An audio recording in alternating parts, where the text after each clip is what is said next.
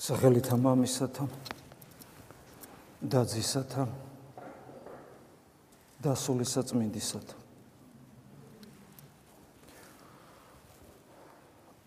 მას შემდეგ რაც ადამიანში სამოთხე დავკარგეთ იქიდან მოყოლებული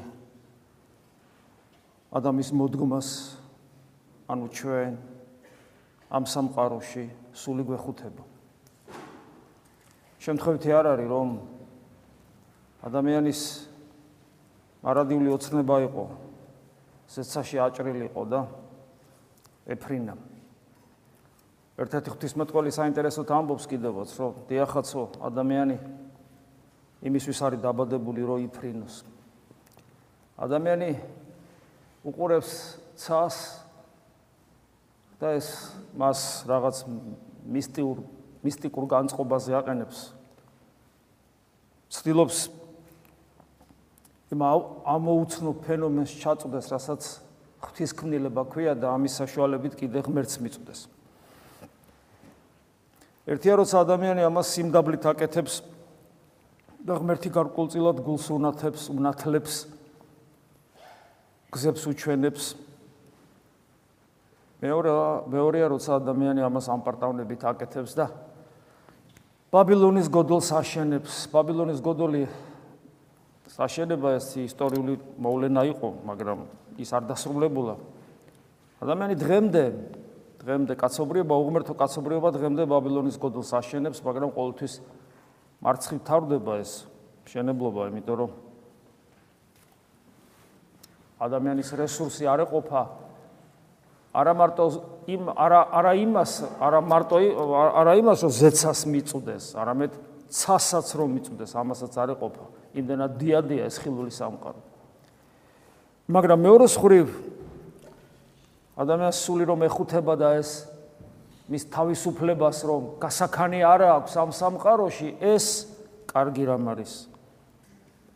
აბა რა რა ცხოვრება როცა ადამიანი ეგუება ამ ქვეყნიურ სიამოვნებებით ცხოვრებას. როცა ადამიანი კმაყოფილდება მცირედით. ბედნიერი იყოს ამ სოფელში. ფათაშორის ბედნიერებაზე გამახსენდა.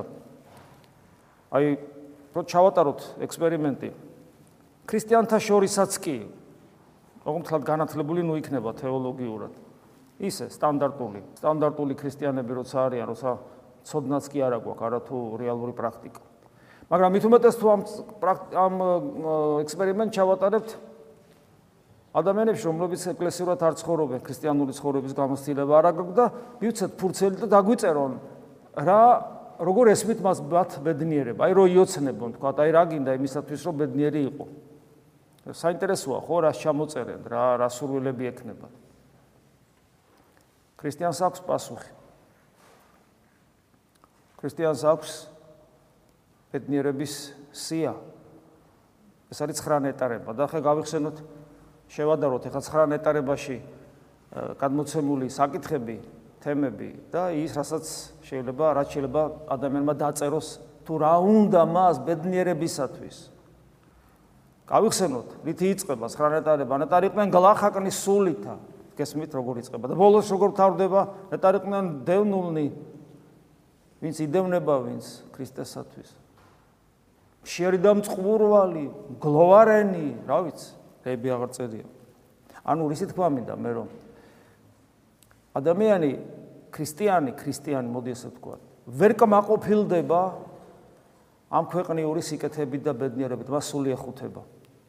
ის მიღმიერს ეძებს და მიღმიერი რომ მოძებნოს თლიანად უნდა შეცვალოს თავის სოფხედელობა რევოლუცია უნდა მოახდინოს საკუთარ თავში.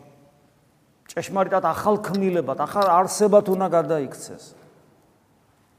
და ეს იმიტომ კიდევ მე მეორებ, რომ მას არ შეუძლია ამ სამყაროში დაეტიოს. რა უცნაურია, ხო ვერ ვეტებით ჩვენ ამ სამყაროში.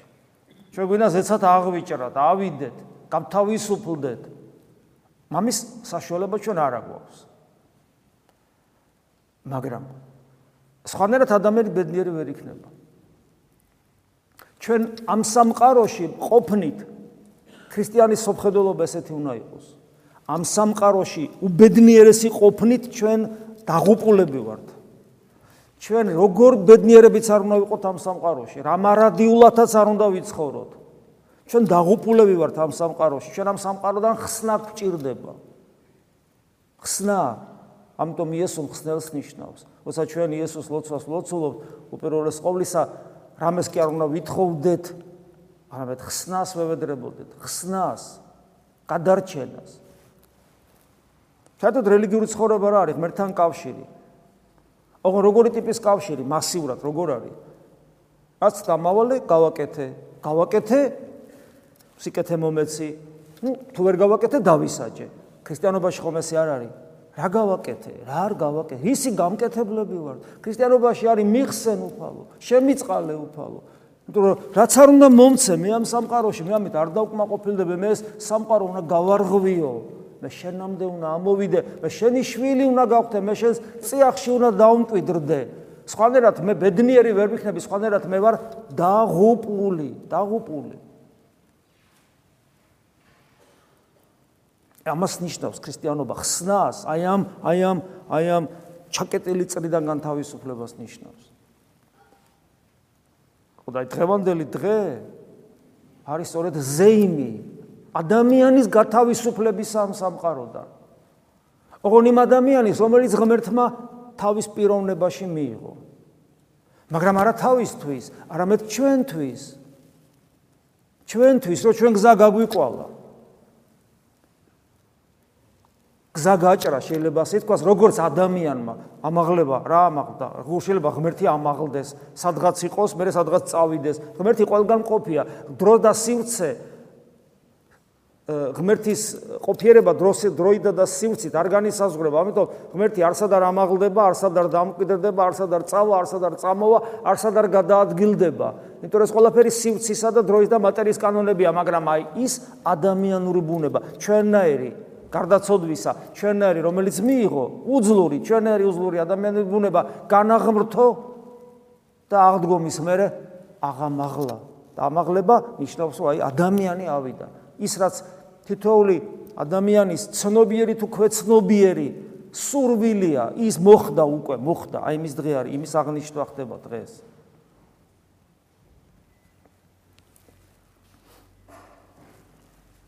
აი როგორ არის ებრაელთა მიმართ ეპისტოლეში და ყვავს ჩვენ ღდელმთავარი დიდი. ანუ გაიარა ყოვლადწმიდა სამების წიაღში შევიდა დაждდა მარჯვენით მამისა ანუ სახთო დიდების დიდებაში შევიდა ადამიანური ბუნება იესო ქრისტესი. და იმიტომ კი არა თავისთვის რომ უნდა ეს რაში ჭირდება ღმერთს ადამიანური ბუნება. რაში ჭირდება მაგრამ ჩვენთვის და ჩვენთვის ნახეთ როგორ მღდელმთავარი, მღდელმთავარი, ანუ მეოხი, მეოხი, იურიდიულად თუ იტყვით ადვოკატი, მუდმივი ადვოკატი, ანუ მღდელმთავარი, მეოხი. შუამდგომელი. ყვავს ჩვენ მღდელმთავარი დიდი, რომელმაც განლოცანი იესოზე ღვთისა და შევიკრძალოთ ეს ახსარება, იგი მისა მარტა ეს მართალი ახსარებლობა, ამ მართალ ახსარებლობას გაუფრთხილდეთ. გვაგონება პავლე მოციქული. იგივე პავლე მოციქული ამბობს ისევ ებრაელთა მიმართ ეპისტოლეში, რომელი ვითარცა რომელიც ეს ეს ახსარებლობა ეს ეს გვწამს ჩვენ რო აი რასაც ახლა საუბრობ ჩვენი წმენა ეს არის ჩვენ ეს გვჯერა ეს გვწამს. ამიტომ ვართ ჩვენ აქ სხვა რაფრისთვის რომ ეს ეს სამყარო სამყარო და გავთავისუფლდეთ ზეცაში ავიდეთ ქრისტესთან ვიმყოფობოდეთ ვიმყოფებოდეთ გადავრჩეთ თორე ვიღუპებით. აქ ყოფნა არის დაღუპვა ჩვენთვის. ე ამისთვის ვართ მოსულები. ეს არის ქრისტიანობა აი ეს რწმენა, ეს საოცარი რწმენა, რომელი გვიპყრია ვითარცა მткиცე და სანდო ღუზა. სანდო ღუზა ხოგეს გადარჩენის სიმბოლოა. რომელიც ეს და და ქრისტე არის შემავალი შინაგანმის კრეცსაკრეცაბელი ეს არის წმინდათა წმინდა ძველი ძველი აღთქმის ტაძრის სიმბოლო სადაც მღვდელთავარი წელიწადში ერთხელ შედიოდა და ტაძრიდან მას კრეცაბელი, ანუ ფარდაფარავდა და აი ზეციურ ზეციური კრეცაბელზია საუბარი, იმის იქით ყოვლადწმიდა სამების წიაღია და იესო ქრისტე როგორც ადამიანი, როგორც ჩვენთვის ამ შემთხვევაში მღვდელმთავარი შევიდა, სადაც იგი წინა მორბედად ჩვენთვის შევიდა იესო და მღვდელმთავარი იქმნა უკუნისამდე, ანუ მარადიული მგდელთავარი, რას ნიშნავს მარადიული მგდელთავარი? ეს სამყარო რო დასრულდება, იგი ადამიანურ ბუნებას, ადამიანურ ბუნებას კლავ ინარჩუნებს და კლავ მეოხია და მეოხერისთვის ხო ცხონდებით, თუ ცხონდებით, რაღა მეოხია ჩვენ მარადიულ სრულყოფილებასა და მარადიულ ზრდაში, რომელიც დაუსრულებლივ გაგრძელდება. დიდებითი დიდებად იქნება წარმატებული თითოეული ადამიანი და ეს არასოდეს არ მორჩება, არასოდეს არ მორჩება. ეს ნიშნავს, რომ ადამიანის ბედნიერებას ბედნიერება დაემატება, კიდე ბედნიერება დაემატება, კიდე ბედნიერება დაემატება. ხორჩი მყოფი ადამიანი, ასეთ ხორჩი მყოფი ადამიანი ამას ვერ გაუძლებს. ხოლო ის იმ ხორჩი, როცა ჩვენ როგორც როცა ჩვენ აღვდგებით, ის ხორცი გაუძლებს. იმიტომ რომ ის იქნება ქრისტეს მსგავსი ხორცი, რომელიც მას ჰქონდა აღდგომის მერე.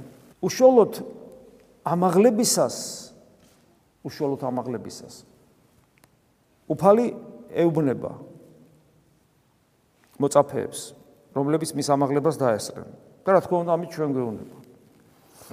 მიიღებთ ძალას სულიწმინდის მიერ მოტანილ საფრთხო ენერგიაზეა საუბარი. სასულიწმინდა გარდამოდის და საფრთხო ენერგიას მოგვიტანს, ოღონდ ეს საფრთხო ენერგია საერთოა სულიწმინდისთვის, ძეგმერთისთვის და მამაღმერთისთვის, მაგრამ სულიწმინდა ღმერთი მოიტანს ამ განსაკუთრებულ ენერგიას თითოეულ ადამიანს მიანიჭებს, მისცემს ნიჭების სახით პერსონალურად პერსონალურად ცეცხლისენების სახით აი რატო ერთიანი ცეცხლის ალი არ დაადგა ყველაფერს არ პერსონალურად დაადგა ცეცხლისა პერსონალურად. ანუ აქაც ჩანს ჩვენი პიროვნებისადმი პიროვნული უნიკალურობისადმი განსაკუთრებული პატივისცემა ღვთისაგან ჩვენდამი. მიიღებთ ძალას როცა სულიწმინდა გარდამოვა თქვენზე და იქნებით ჩემი მოწმენი. ანუ რა მოწმენი ანუ ჩვენ გვეუბნება რომ პოტენციას ჩვენს მივიღეთ მირონცხებისას. და ნათლობისა და მირონცხებისას. და გვეუბნება პირველი რასაც გვავალებს იმის მერე რასაც სულიწმინდის მიერ მოტანილ საფრთხო ენერგიას ანუ ნიჭებს რომელიც ნიჭების სახით ვლინდება ჩვენში ამ საფრთხო ენერგიას როცა ვიღებთ პირველი რასაც გვავალებს. აი ყველა სხვადასხვა ნიჭი ეძლევა. ყველა სხვადასხვა ნიჭი მაგრამ დავალება ერთია. სხვადასხვა ხარისხით რა თქმა უნდა ეს დავალება ჟღერს ესე იქმნებით ჩემი მოწმენი. მოწმე. ანუ დამოწმება. ანუ რა მე ჩემი ცხოვრებით ვამოწმებ რომ იესო ქრისტე არის ღმერთი. მოწმენისად პირველ რიგში იერუსალიმში. ჩვენ შემთხვევაში საკუთარ გულში გულია იერუსალიმი ანუ ჯერ საკუთარ თავში უნდა დაამოწმო, საკუთარ თავში უნდა დარწმუნდე, საკუთარ თავში უნდა განიცადო, რომ იესო ქრისტე ღმერთია, საკუთარ გულში. და მე მთელს იუდიასი, სამარიაში და ქვეყნის კიდამდე. და მხოლოდ ამის მერე. სხვაგან აი კორნალო განიკორნე თავითვისი ადამიანი, რომელსაც რომელიც თვითონ არ არის ჯერ დარწმუნებული ქრისტეს ღმერთობაში და ეს ყველაფერი ბოლომდე, ბოლომდე, ბოლომდე რას ნიშნავს? ეს ყველაფერი მას არ აქვს, გათავისებული, გათავისებული, ეს მისთვის ჯერ ორგანული არ არის. ის ჯერ კიდევ რწმენასა და ურწმუნოებას შორის მერყეობს და ადამიანი წყებს ქადაგებას. ადამიანი ვერ ერევა თავის ვნებებს მრისხანებისა, სიამაყისა, ამპარტავნებისა, პატივმოყარეობისა და ამ დროს ამ დროს ცდილობს რომ სხვა სხვა სხვას უქადაგოს. რა უნდა უქადაგო? ამაყი როცა ვარ მე და ამპარტავანი როგორ უნდა უქადაგო? ღმერთის სიმშვიდისა და ღმერთის სიმდაბლისა. ამიტომ ჩვენ სიტყვას ძალა არ აქვს. ტყუილია და ემიტომ სანამ მე ამაყი და ამპარტავანი ვარ სიმშვიდის და სიმდაბლის ღმერთი როგორ უნდა გიქადაგო? შეესაბამება ჩემი სიტყვა ჩემს მდგომარეობას არა. ამიტომ ნუ ყველა მოძღვრით გვეუბნება და განიკურნე თავითვისი უფალი მეუბნება ამიტომ ჯერ საკუთარ გულში და მე მე მე გარეთ. და ესე ვითარცა თქვა ამაღლდა. და ხედვიდან რა იგინი? ღრუბელმა შეიწყნა რა იგი თვალთაგან მათთა საოცრება ისედაც ხომ? ისედაც ხო ადამიანი მიდრეკილია ზეცისაკენ?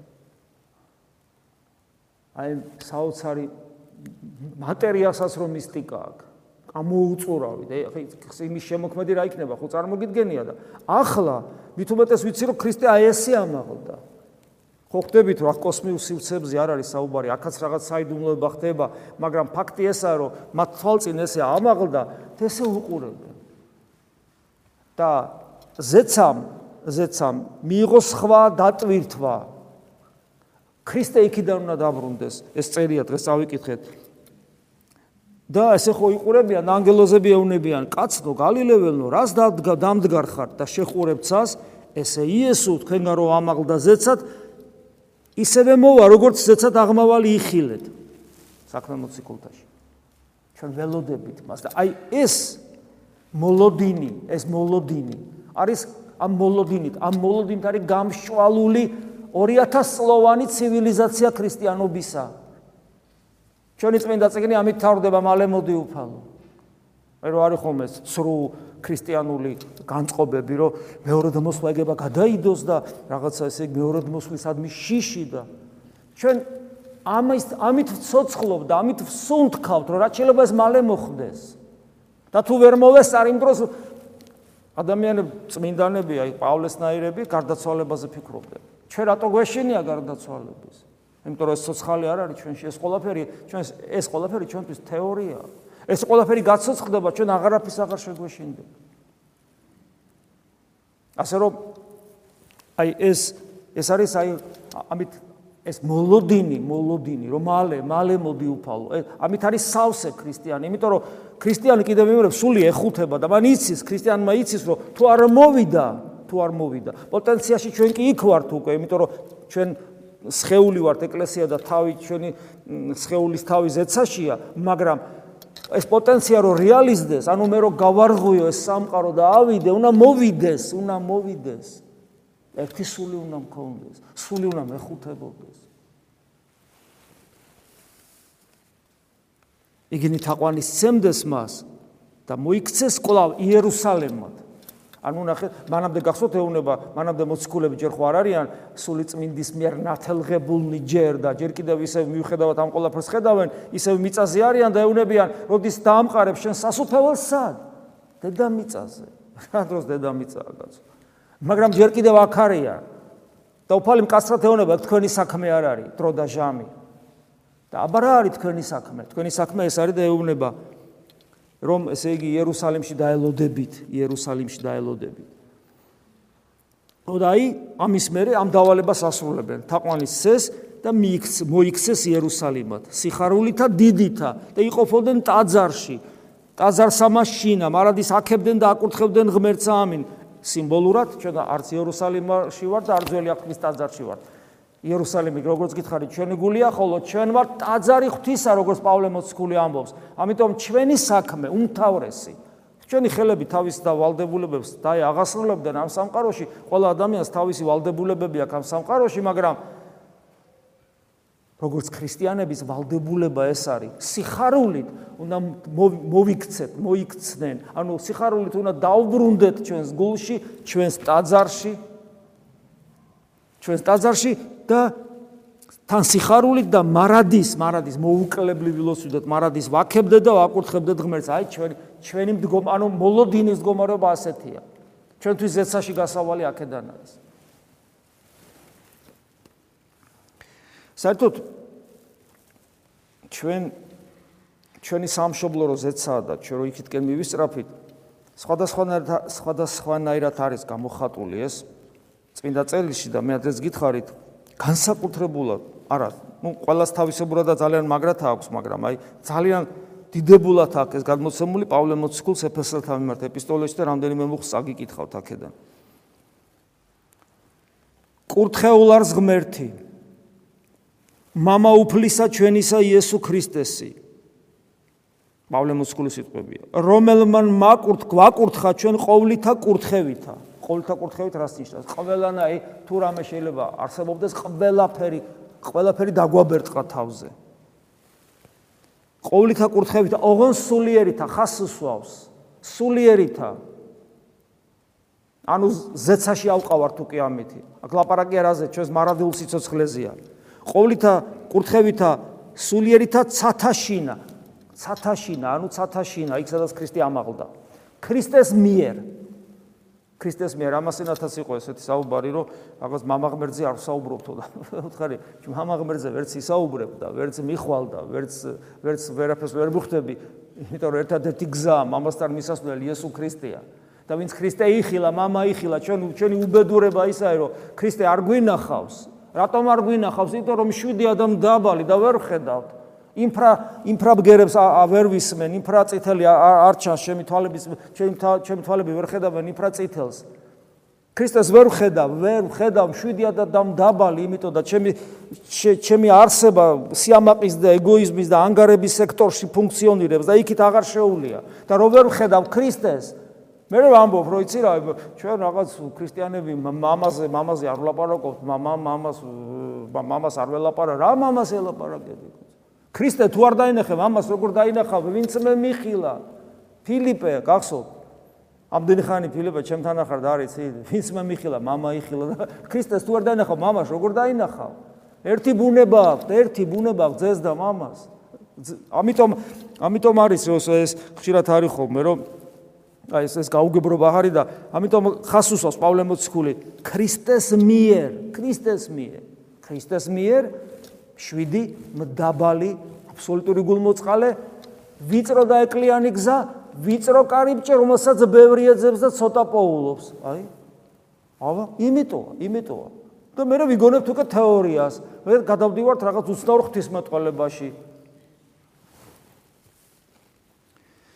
ვინაიდან გამოგვირჩია ჩვენ მის მიერ უწინარეს სოფლისა დაბადებისა რათა ვიყვნეთ ჩვენ წმინდა და უბიწო წინაშე მისე მისა სიყვარულით. ნახეთ რა საინტერესო სიტყვებია.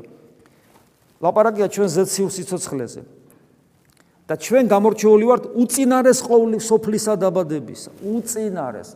მე ადრეს გითხარით რომ ერთ-ერთი ღვთისმოწყალე ამბობს რომ ჩვენ მარადიულად უნდა ვიარსებოთ, მაგრამ დასაბამი ხო გვაქვს?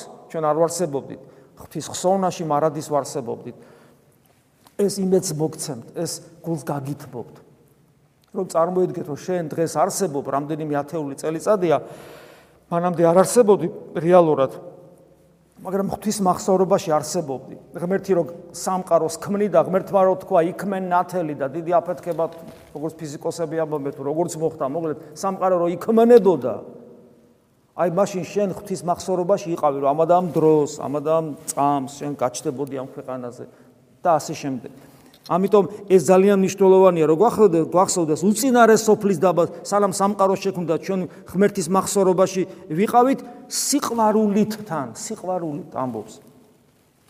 და მე რა აგზელებს, წინასწარ განსაზღვრა ვეშვილებინეთ იესო ქრისტეს მიერ ვეშვილებინეთ იესო ქრისტეს მიერ. და მე მისი სათნოების საებრიდან მისი ნების, ანუ ღვთისნებია, ღვთისნება ესეთი რომ ვეშვილებინეთ იესო ქრისტეს მიერ. ესეც განსაზღვრული ქონა რომ უბრალოდ კი არ შეგქმნიდა შენ არამედ მისი შვილი უნდა ყოფილიყავი. შვილი როგორია ღმერთი შვილობა ხო? რომლისა მიერ ანუ ქრისტეს მიერ გვაქვს ჩვენ გამოხსნა სისხლითა მისითა და მოტევება ცოდვათა ჩვენთა სიმდიდრისა მადლისა მისის. ანუ გვახსენებს რომ როცა ქრისტეს მიერ ახსენებს ქრისტეს მიერ ქრისტეს მიერ გვახსენებს რომ მაგრამ ქრისტეს მიერ რას ნიშნავს? ქრისტე მოკვდა ჩვენთვის. და გახსოვთ ხო? როცა ამაღლდება ამაღლდები მე და იქვე იონე ღვთისმოწყალე წერს რომ არ გვეგონოს ეს ამაღლება რას დღეს არის? როცა ამაღლდები ანუ ჯვარცმას გულისხმობს, როცა ამაღლდები ყოველას მოგიზიდავთ. სად მოგვიზიდავს? ამაღლებული ქრისტე, გოლგოთა არის. ეს არის ვიწრო და ეკლიანი გზა. ეს არის ვიწრო კარები.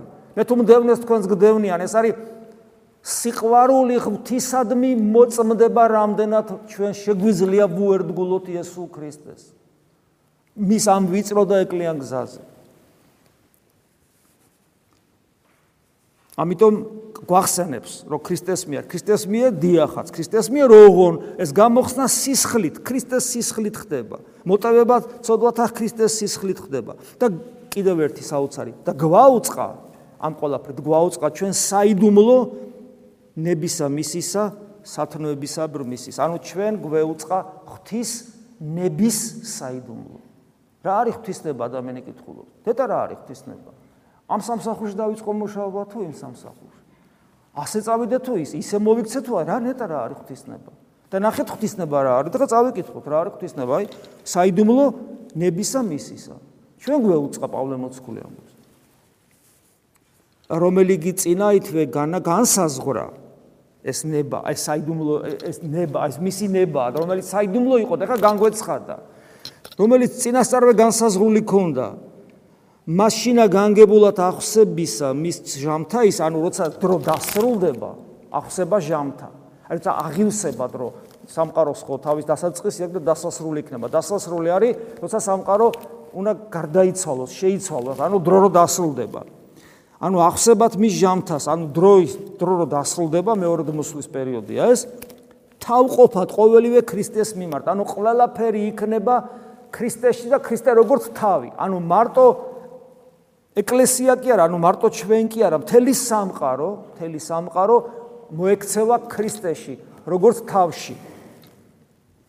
რა არის ცათაშინა და ქვეყანასაზე და ყველაფერი, ანუ ქრისტე როგორც თავი ყველაფერს შეითავსებს თავის თავში. მთელი სამყაროს განხრთობა, ამას პავლე მოციქული სხვა ადგილასაც ამბობს, მთელი სამყარო მოელის გამოხსნას.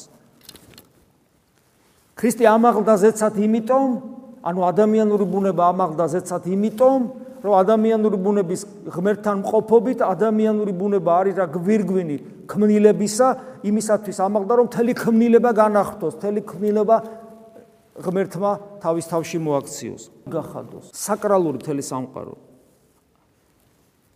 და აი ამ დიდებულებაში წარმოიდგინეთ მთელი ეს სამყარო დიდებული სამყარო ქრისტე როგორც თავი და მთელი ეს სამყარო ქრისტეში როგორც თავში და აი ამ დიდებულებაში, აი ამ დიდებულებაში, რომელსაც აშინა, გავხდით აი ამ დიდებულებაში, გავხდით მემკვიდრენი და ეს ყველაფერი წინასწარ განკუთვნილი იყო ჩვენთვის ნებითა ღვთისათა, რომელმან იგი ყოველივე შექმნა სრახვისაებ ნებისამისის. აი ამ დიდებულებაში ჩვენ ვართ მემკვიდრენი. ვისი მემკვიდრენი? ღმერთის. ღმერთის მემკვიდრენი. ღმერთის წარმომადგენლები, შვილი, შვილი, ნახეთ რა დიდებულება. აი ეს არის ის საიდუმლოება. რათა ვიყვნენ ჩვენ საქებელ, საქებელად დიდებისა მისისა, რომელი ეს წინასწარ მოსავ ვიყვენით ქრისტესა. რას ნიშნავს ვიყვნეთ საქებელად დიდებისა მისისა?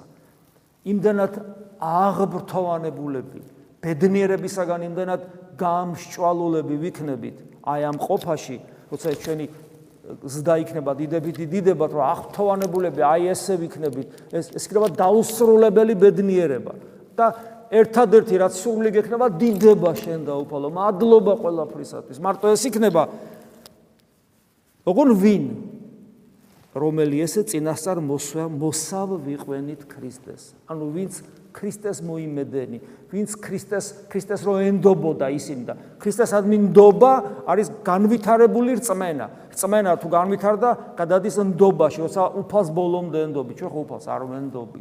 ჩვენ ხო გვეშინია ღმერთის, ხვალე რამე არ მოხდეს, რამე ძურფასი არ დავკარგო, ემან რამე არ შეგვემთხვეს მე, ჩემ შვილებს, ოჯახს. გესმის სულ ალბათ არ გავხდეს, სულ გვეშინია, რატო?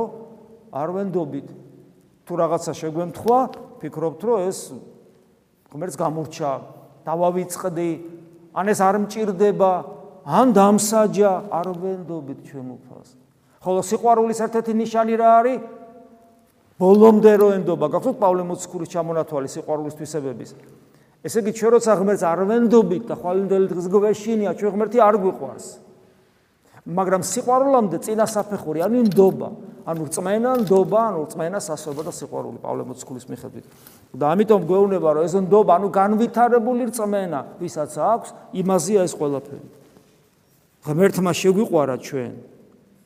რამე თუ ვიყვენით ჩვენ მკვდარნის შეცოდებითა, ქრისტესთანა განგვაცოცხლა, მადლით ახარ თქვენ გამოხსნილი. საოცარი სიტყვებია. და ახლა თან აღმადგინა ჩვენ ქრისტესთან ერთად. რაც ნიშნავს თან აღმადგინა? რაუდენთა ქრისტეს მიერ ნათელგვიღებიეს, ქრისტე შეგვიმოსიეს და ქრისტეს შემოსილობამდე ნათელს ვიღებთ. რაუდენთა ქრისტეს მიერ ნათელგვიღებიეს და ნათლობა რა არის? სიკვდილი ქრისტესთან ერთად სოდვისათვის და მასთან ერთად აღდგომა. ანუ თან აღმადგინა, ანუ ჩვენ ქრისტესთან ერთად თან აღდგინებული უკვე ვართ, მაგრამ პოტენციაში და არა ცხოვრების წესი. ამიტომ ეს თანა აღდგომა ქრისტესთან ერთად ძალიან მნიშვნელოვანია და თანა დამხსნა ზეცათაშინა ქრისტე იესოს მია ჩვენ უკვე ზეცაში ვართ. ამას მე ოქროპირი კარგად განმარტავს ზეცაში ვართ უკვე პოტენციაში. და ეს ხანდახან იგრძნობა. როცა ჩვენ ლოცულობ და გულს ხანდახან უფალი ეხება როდესაც ჩვენ ვეზიარები და გულს ხანდახან უფალი ეხება აი მაშინ ჩვენ გძნობთ რომ ზეცაში ვართ. მაგრამ ეს იკარგება ჩვენი ურწმუნოების გამო არაერთგულების გამო. და მე ისევ მიწაზე დავღოღავთ, მაგრამ ეს მეხსიერებაში რჩება, რომ ეს გამოცდილებაში რჩება და ვიტანჯებით. და ეს ტანჯვა გაგრძელდება მანამ, სანამ ერთხელ და სამუდამოდ არ შეუძახებთ საკუთარ თავს და ბოლომდე არ გავხსნით უფალს გულს. მაგრამ ამას ჯეჯერობით ვერ ვაკეთებ. და კიდევ ერთხელ გვახსენებს, მადლით ახართ გამოხსნილი და ესე არ არის თქვენგან, არამედ ღვთისა ნიჭია. აი ეს არის დღევანდელი დღის მნიშვნელობა და პრაქტიკული დანიშნულებაც დღევანდელი დღესასწაულისა ჩვენთვის, რომ ეს კიდევ ერთხელ შეგვახსენოს. თურისთვის ვიმყოფებით ჩვენ აქ ეკლესიაში.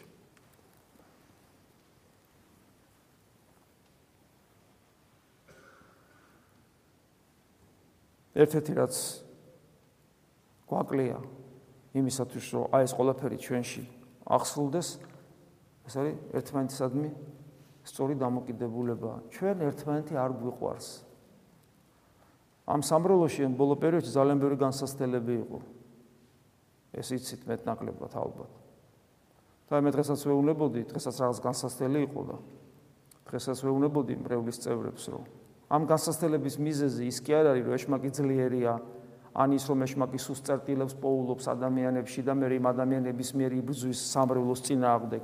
არამედ ჩვენი ერთმანეთისადმი უსიყვარულობა არის მიზეზი ამ განსასწრებისა.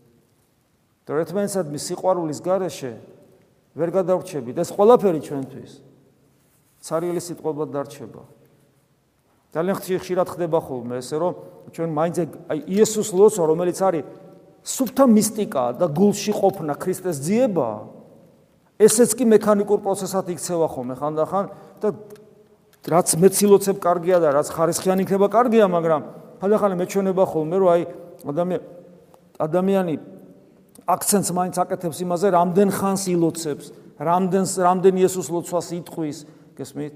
სინამდვილეში ეს ყველაფერი ნიშნულოვანია, იმიტომ რომ რაოდენობა ხარისხში უნდა გადავიდეს და ხარისხი კიდე ნიშნავს იმას, რომ ქრისტეს დაემსგავსო, მაგრამ ამის გადამოწმება უნდა მოხდეს ჩვენი ერთმანეთთან ურთიერთობით. ჩვენ უნდა გვიყვარდეს ერთმანეთი, არა ჩვენი ძალებით, არამედ მადლით და თუ ეს სიყვარული არ რეალიზდება, ესე იგი ყველაფერს თვითონ ვაკეთებ, რაღაც ეს თომას უშვებ. გარეგანზე მაქვს აქცენტი. თვით იესოს გონიერი ლოცვის დროსაც კი გარეგანზე შეიძლება ადამიანს კონდეს აქცენტი. არა და პოტენციაში ჩვენ უკვე ზეცაში. აი ეს არის. შეგვეციო სუფალი და მოგცეს ძალა რომ ძალა რომ შეუძახოთ საკუთარ თავს და მართლაც ისე ისე ვიცხოვროთ როგორც ამას უფალი მოგვიწოდებს და მისი წმინდა მოციქულები და წმინდა ეკლესია. ამინ. მადლიოფლისა ჩვენისა იესო ქრისტესი და სიყვარული ღვთისა და მამისა და ზიარება სულისა წმინდისა იყოს თქვენ ყოველთა თანა. ამინ